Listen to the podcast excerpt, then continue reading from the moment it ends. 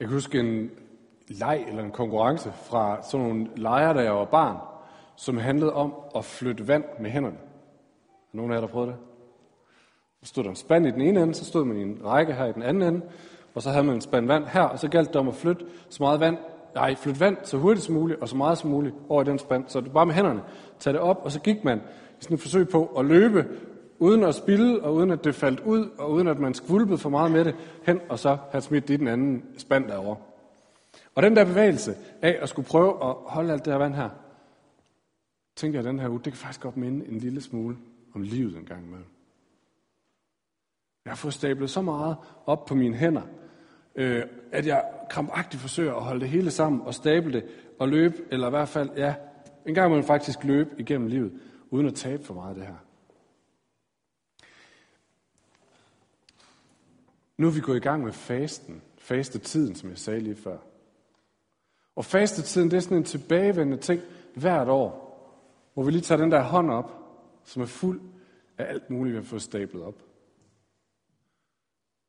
Godt, skidt, vigtigt, ikke vigtigt, alt muligt. I hvert fald er den hænderne tit fulde, og vi bliver inviteret til at prøve at tømme lidt ud i det. Prøve at finde ud af, hvad er det, der fylder, og hvad er det, der skal fylde.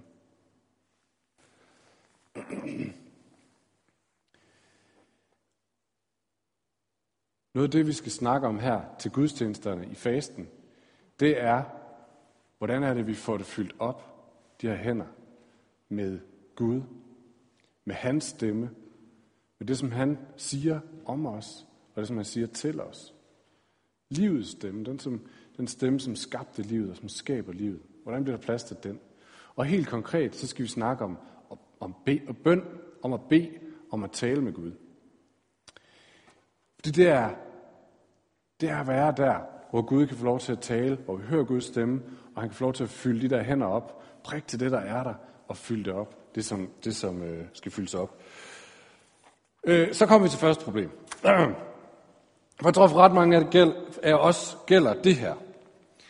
Øh, mine unger synes, jeg har store muller. Jeg vil ikke høre jeres kommentar. Jeg lever i troen. Men hvordan er det med bedemusklerne?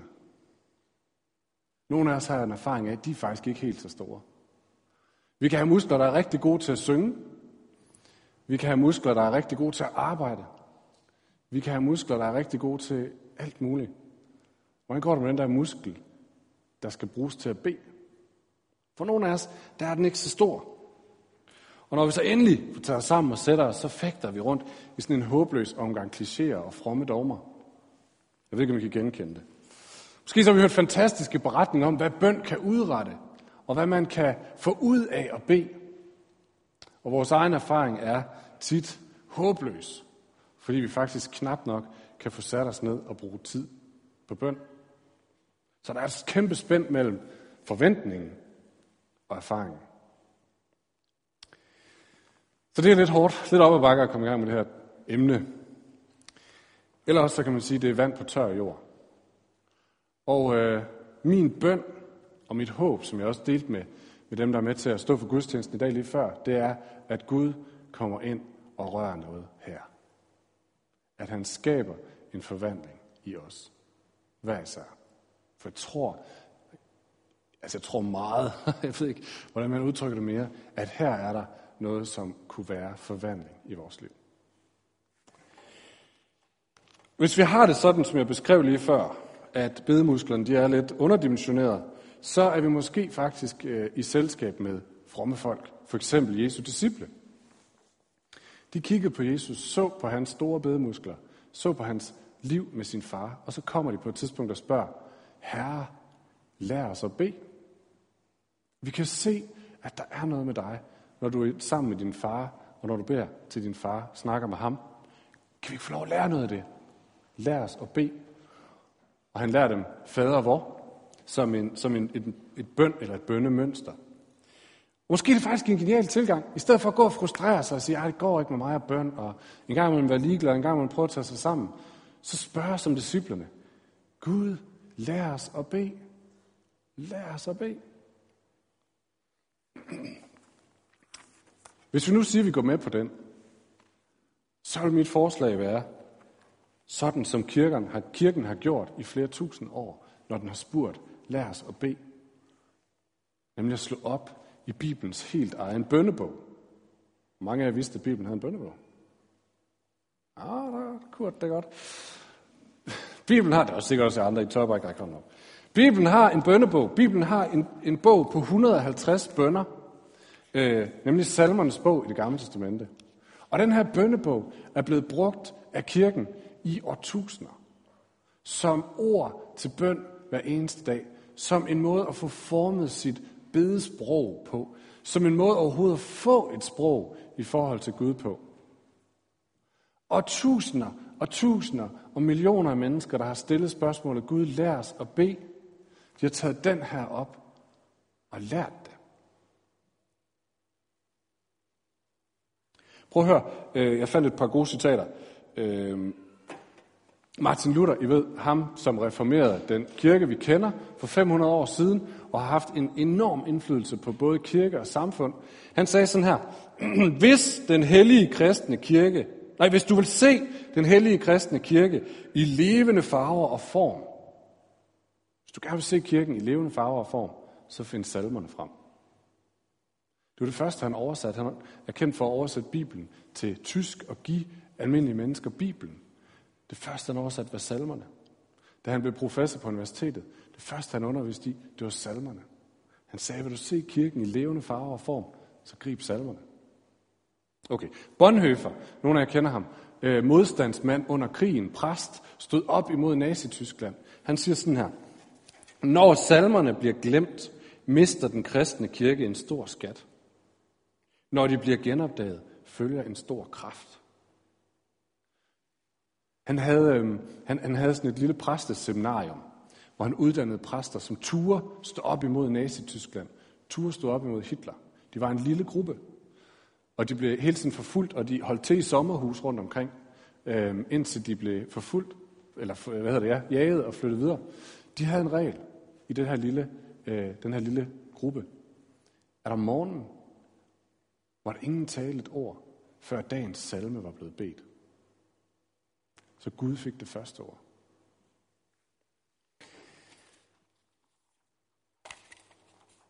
Og sådan har det været hele kirkens historie. De forskellige klosterordner, munkeordner osv. har bedt salmerne hver dag. Det har været ord til bøn, det har været noget, som forløste alt det, som lå i mig, som jeg ikke kan få snakket med Gud om. Og her var der ord. Så hvis vi vil lære at bede, påstår kirkens historie i min fortolkning, så må vi have fat i salmerne. En amerikansk præst, der hedder Eugene Peterson, han siger det på den her måde. Før vi kan udånde, altså bede, tale til Gud, må vi indånde. Før vi kan udånde, må vi indånde.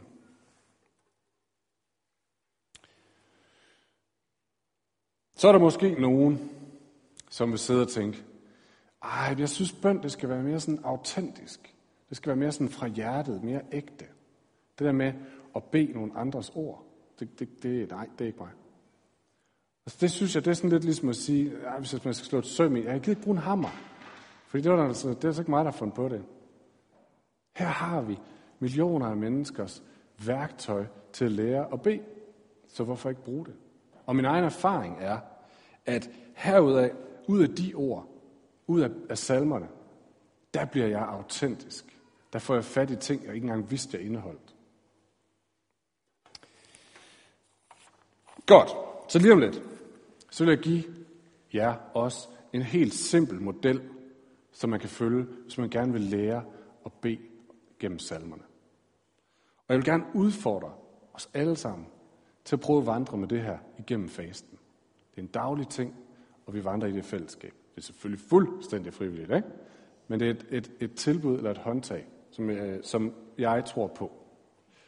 Øhm, men inden vi gør det, så skal vi lige prøve først at læse sammen og, øh, og, og, og fordybe os i salme 1. Bare lige for at få en fornemmelse af, okay, hvad er det så, vi er på vej ind i her? Er det noget, vi vil? Er det interessant? Øhm, og vi vil læse den, nu vi går helt i antikvarisk nu.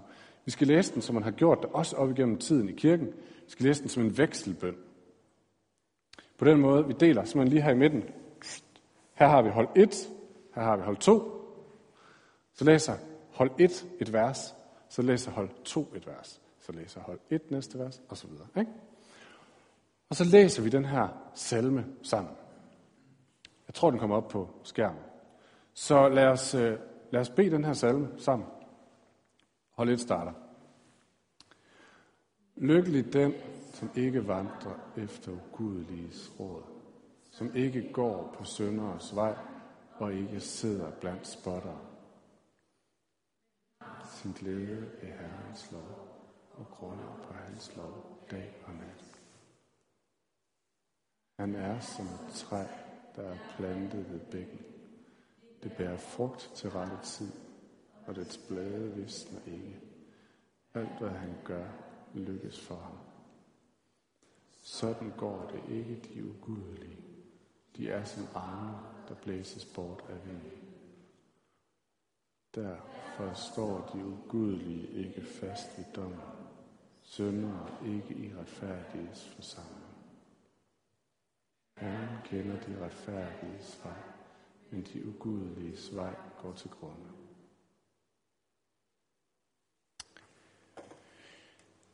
Lykkelig den begynder salmen. Og på et eller andet tidspunkt, så var der nogen, der samlede de her salmer. De er skrevet over flere år af flere forfattere, og man havde en stor bunke. På et eller andet tidspunkt satte sig nogen ned og sagde, nu vil vi lave dem som en sammenhæng, vi vil sætte dem ind i en bog, så at sige. Og så tænkte de, hvad for en skal vi begynde med? Og så begyndte de med den her. Og både salme 1 og salme 2 har sådan en karakter af introduktion, forspil til, hvad der kommer nu.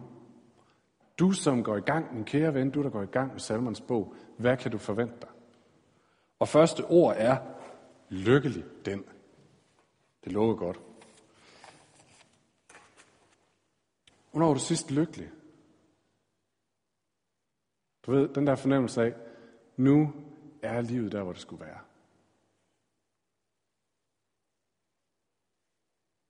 Salmons bog begynder med at sige, lykkelig den. Og så sidder vi og tænker, ja, hvem? Hvem? Lykkelig den? Hvad? Hvor? Og så siger den, lykkelig den, og så starter hun faktisk med tre gange ikke. Lykkelig den, der ikke, der ikke, der ikke. Den, der ikke går, der, det ikke vandrer efter ugudeliges råd. Den, der ikke går på sønderes vej. Den, der ikke sidder blandt spotter. Lykkelig den. Og hvad, hvad er fælles for de tre? Jo, det er, at de siger sammen, alle sammen noget andet end øh, Guds ord. De er ugudelige, de er syndere, og de er spotter. Lykkelig den, der ikke følger det her. Jeg tror ikke, vi skal se for os, øh, at han advarer mod sådan en flok betonateister, der står og siger, Gud er dum, og dem skal man ikke være sammen med. Det tror ikke, det er det, han siger. Jeg tror, det, det, det, det, det salmen siger, det er, der er stemmer i vores liv, som prøver at sætte noget andet end Gud i fokus. Som prøver at peger os en anden retning. Som giver os råd, som fører os væk fra Gud. Som, som, øh, som måske endda spotter Gud og siger, det er ikke vigtigt, det er lige meget. Hvor Gud er taget af tronen, og andet er placeret ind som noget vigtigt. Penge for eksempel. Man kan sige, lykkelig den, der har mange penge. Penge er ikke i sig selv dårligt. Men hvis penge bliver middel, eller penge bliver målet, det er det, vi skal have meget af, siger salmen, det, det er ikke noget, der peger hen på Gud. Og det er som om, der er en udvikling i det, han siger, salmisten. Først så lytter man. Den, der ikke lytter til Guds råd. lige næsten se det for sig. Ej, jeg skal lige høre, hvad sker herovre. Så står der, den der går af, en, af, af deres vej, om så begynder man sådan ligesom at følge med. Der er noget interessant herovre. Så står der, den der sidder blandt spotter, som har sat sig ned. Som simpelthen slået sig ned. Her vil jeg være.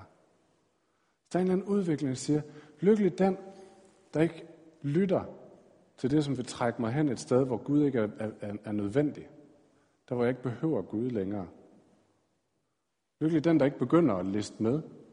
Lykkelig den, der ikke læner sig tilbage i lædersofaen med benene op og slår sig ned.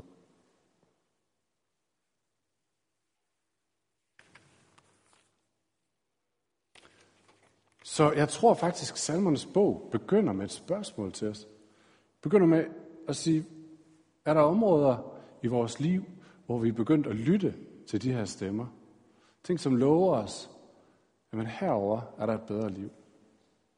Det her kunne du bruge din tid på i stedet for. Er der områder, hvor vi er begyndt at gå med? Er der områder, hvor vi måske endda allerede har sat os ned og slået benene op? Og salmens bog siger, at det fører ikke til lykke. Og det er et spørgsmål, vi kan tage med os ind i fasten, kan man sige. Er der, er der områder i mit liv, som peger en anden retning? Og så fortsætter salmen om, hvem er så lykkelig? Hvis ikke det er dem, hvem er så lykkelig? Så siger han, jo, den, som har sin glæde ved Herrens lov, og grunder på hans lov dag og nat. Det lyder lidt tung, ikke? Helt ærligt. Jeg havde konfirmander, vores dejlige konfirmander her i tirsdags, og jeg skulle prøve at forklare dem noget om, om Guds love og regler. Det er, at Gud han har nogle, nogle gode anvisninger, nogle gode, nogle gode øh, bud. Og jeg skulle prøve at forklare dem, at øh, det var ikke nødvendigvis en dårlig ting. Det ved jeg ikke, om I selv kan regne ud, hvordan det går. Fordi hvem synes ikke, det er en dårlig ting med love og regler? Men det, jeg gerne vil give videre, det, det jeg gerne vil prøve at få, få dem til at forstå, det er, at når Gud han taler om anvisninger, når vi taler om Guds lov, så snakker vi ikke om en sur gammel mand, som sidder og prøver at begrænse, hver gang der er noget, som virker sjovt eller interessant, så siger han, niks! Det er ikke det, vi snakker om, når vi snakker om Guds love, Guds lov. I øh, det, det, det, græske, eller det hebraiske ord er Torah, og det indeholder roden, som betyder at kaste. Og det handler om, at Guds lov er kastet til os. At den er kastet efter os, som den gode måde at leve på. Så i, i Gamle Testamente øh, skal vi se for os øh, folket, som har levet i slaveri. Guds folk levede som slaver i Ægypten. Gud befriede dem, trak dem ud af slaveri, satte dem, øh, de var ude i ørkenen, og han lovede, at nu ville han skabe dem som folk i et nyt land. Men de her folk, de havde levet som slaver i 40 år. De vidste ikke andet end at leve, når, øh, at leve efter de regler, som blev udstukket for dem. De vidste ikke, hvordan man levede et liv, som var godt. Nu havde de alle muligheder, men de anede ikke, hvad de skulle gøre, for de var vant til, at nogen bestemte over dem. Og i den situation gav Gud dem Torah, gav Gud dem loven, gav Gud dem anvisninger, og han sagde, her er det gode liv. Her er det gode liv. Så det vi skal se for os, det er loven som en, en, en, en, en bunke af juveler, eller af guldkorn, eller af skatte. Og hver gang man åbner en af dem, så siger man, nej, her er en vej til noget godt i livet. Og her er en bedre vej for mit liv. Eller her, det her gør mit liv endnu bedre.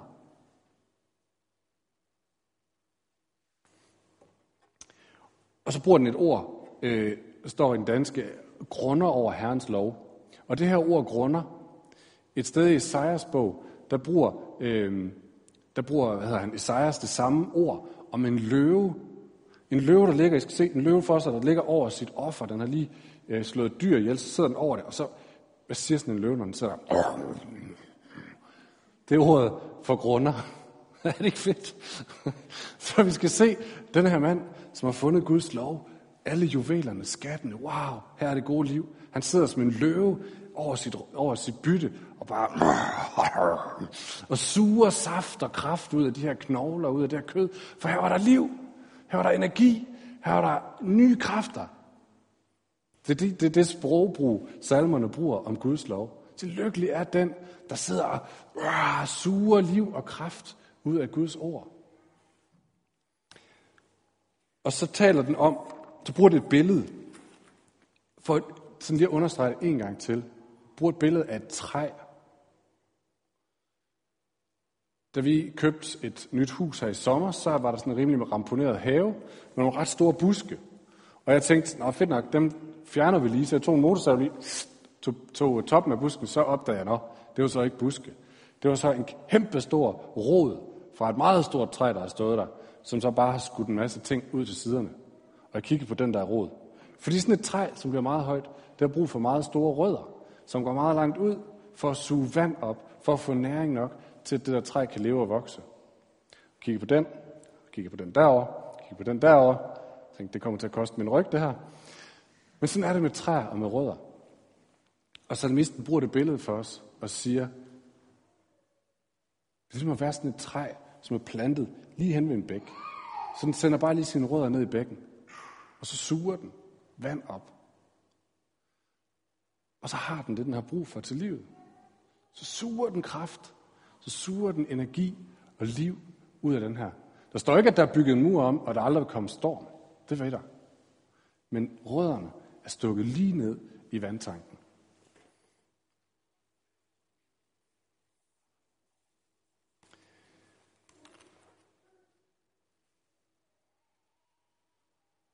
Så den, der, den, der stikker sit hoved ned i det her, i, øh, i salmerne, i skriften, er som en løve over sit bytte. Og suger kraft ud af den. Det er som et træ, der har stukket sine fødder lige ned i en flod, og bare hiver det, den har op, den har brug for. Og vi kunne fortsætte meget langt i den her salme, øh, og fortsætte med de her billeder, som bliver brugt. Men det skal vi ikke nu.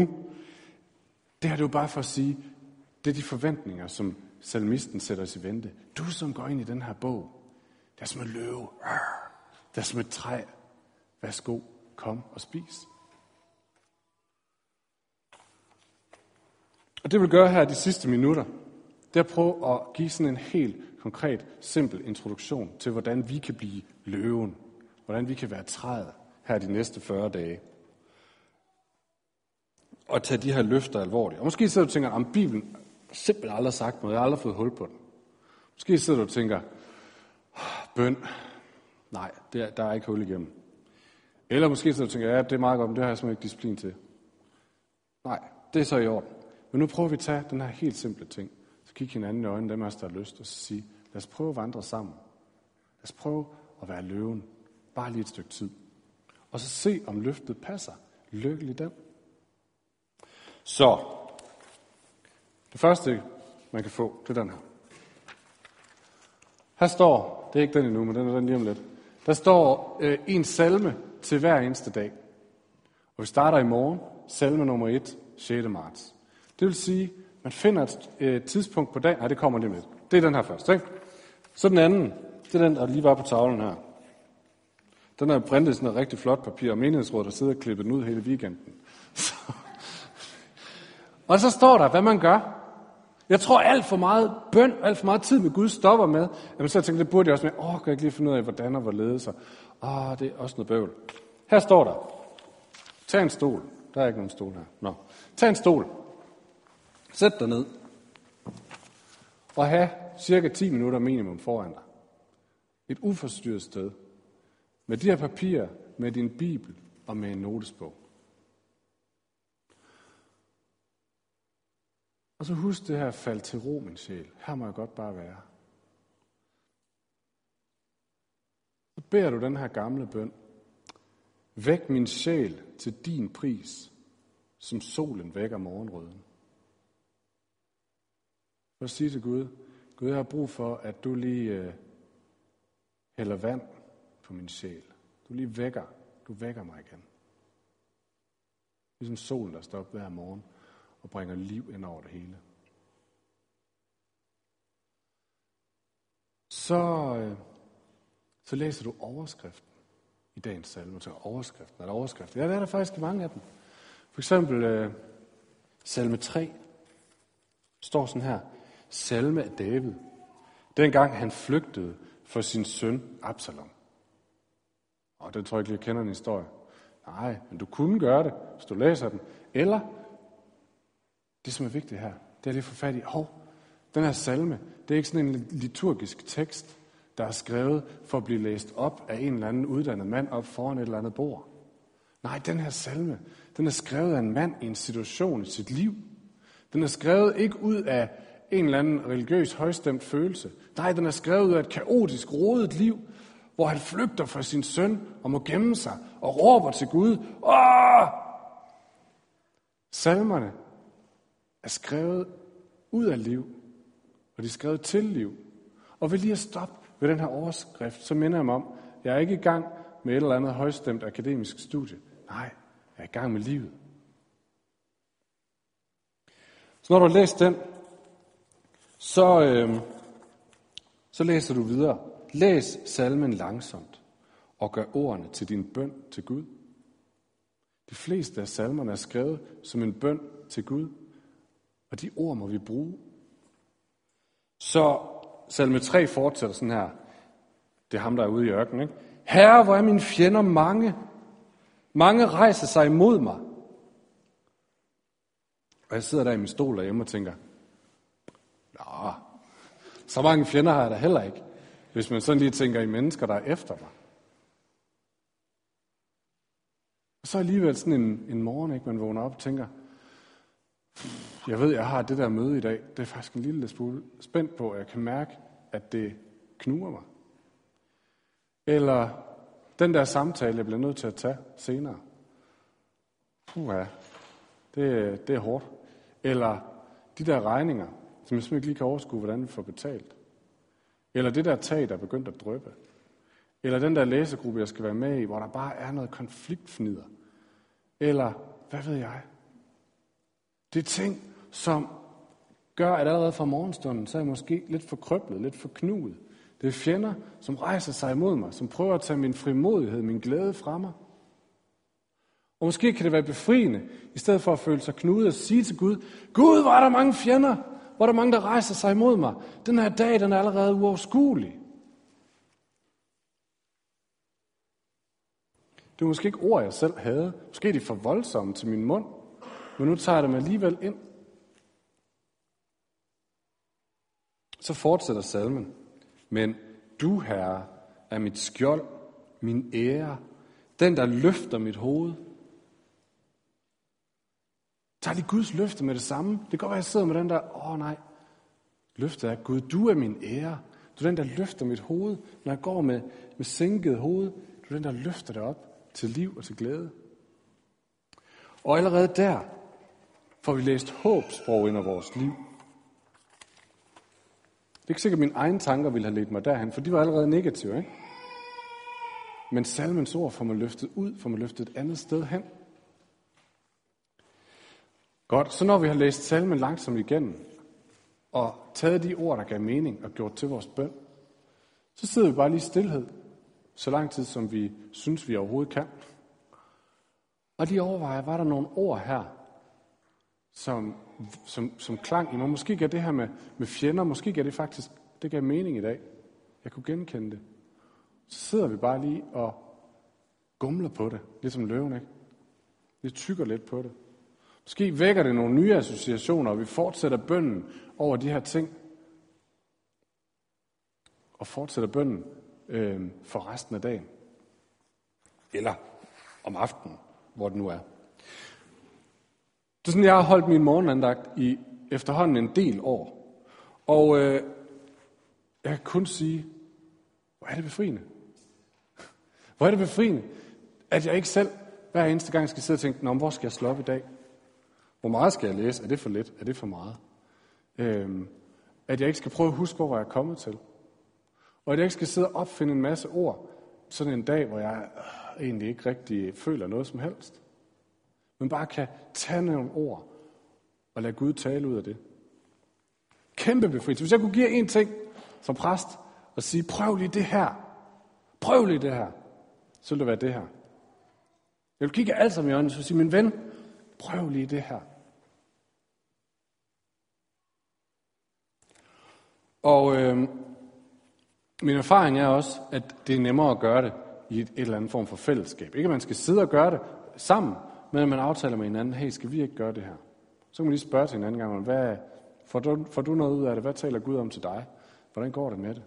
Så man har en aftale. Måske er man et par, og siger til hinanden, skal vi gøre det? Nogle dage kunne man gøre det sammen, eller man gør det alene. Eller man har en mikromakker, eller man har en kammerat, og man lige siger, hey, skal vi prøve at gøre det her?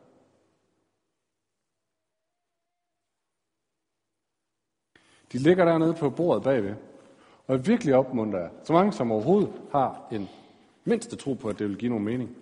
Også jeg, der ikke gør. Prøv at tage det. Prøv at gøre det. Så tager vi det op hver eneste søndag her i fasten. Så vandrer vi sammen med salmer. Lad os slutte med at rejse os op.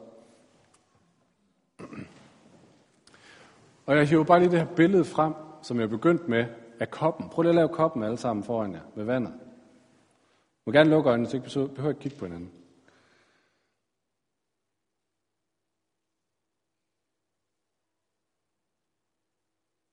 Prøv at tænke, hvordan den her kop kan være fuld af dit liv. Det kan være arbejde. Det kan være bekymringerne. Det kan være gode ting. Det kan være mål, drømme, håb. Og hvordan en meget, meget travl hverdag nærmest gør, at du nogle gange snapper efter vejret for at få luft. Prøv så bare at, at tømme den her kop. Lige spred hænderne og lad det hele falde ud. Nu er den tom. Og så prøver vi bare at samle den igen. Nu er den tom. Et andet billede kunne være, der er blevet musik. Der er mere og mere musik. Flere og flere instrumenter er kommet på. Spiller højere og højere. Nu skruer vi ned. Tager simpelthen knappen bare lige og skruer helt ned. Nu er der stille. Og her, med tomheden og med stillheden, der venter vi på, at Gud han begynder at tale sit ord ind i det. At hans stemme den træder frem i stillheden og fortæller os, at du er mit elskede barn. At jeg har kendt dig længere, end du aner det. Jeg kender alle dele i dit liv. Jeg vil så gerne være sammen med dig. Jeg vil så gerne tale med dig.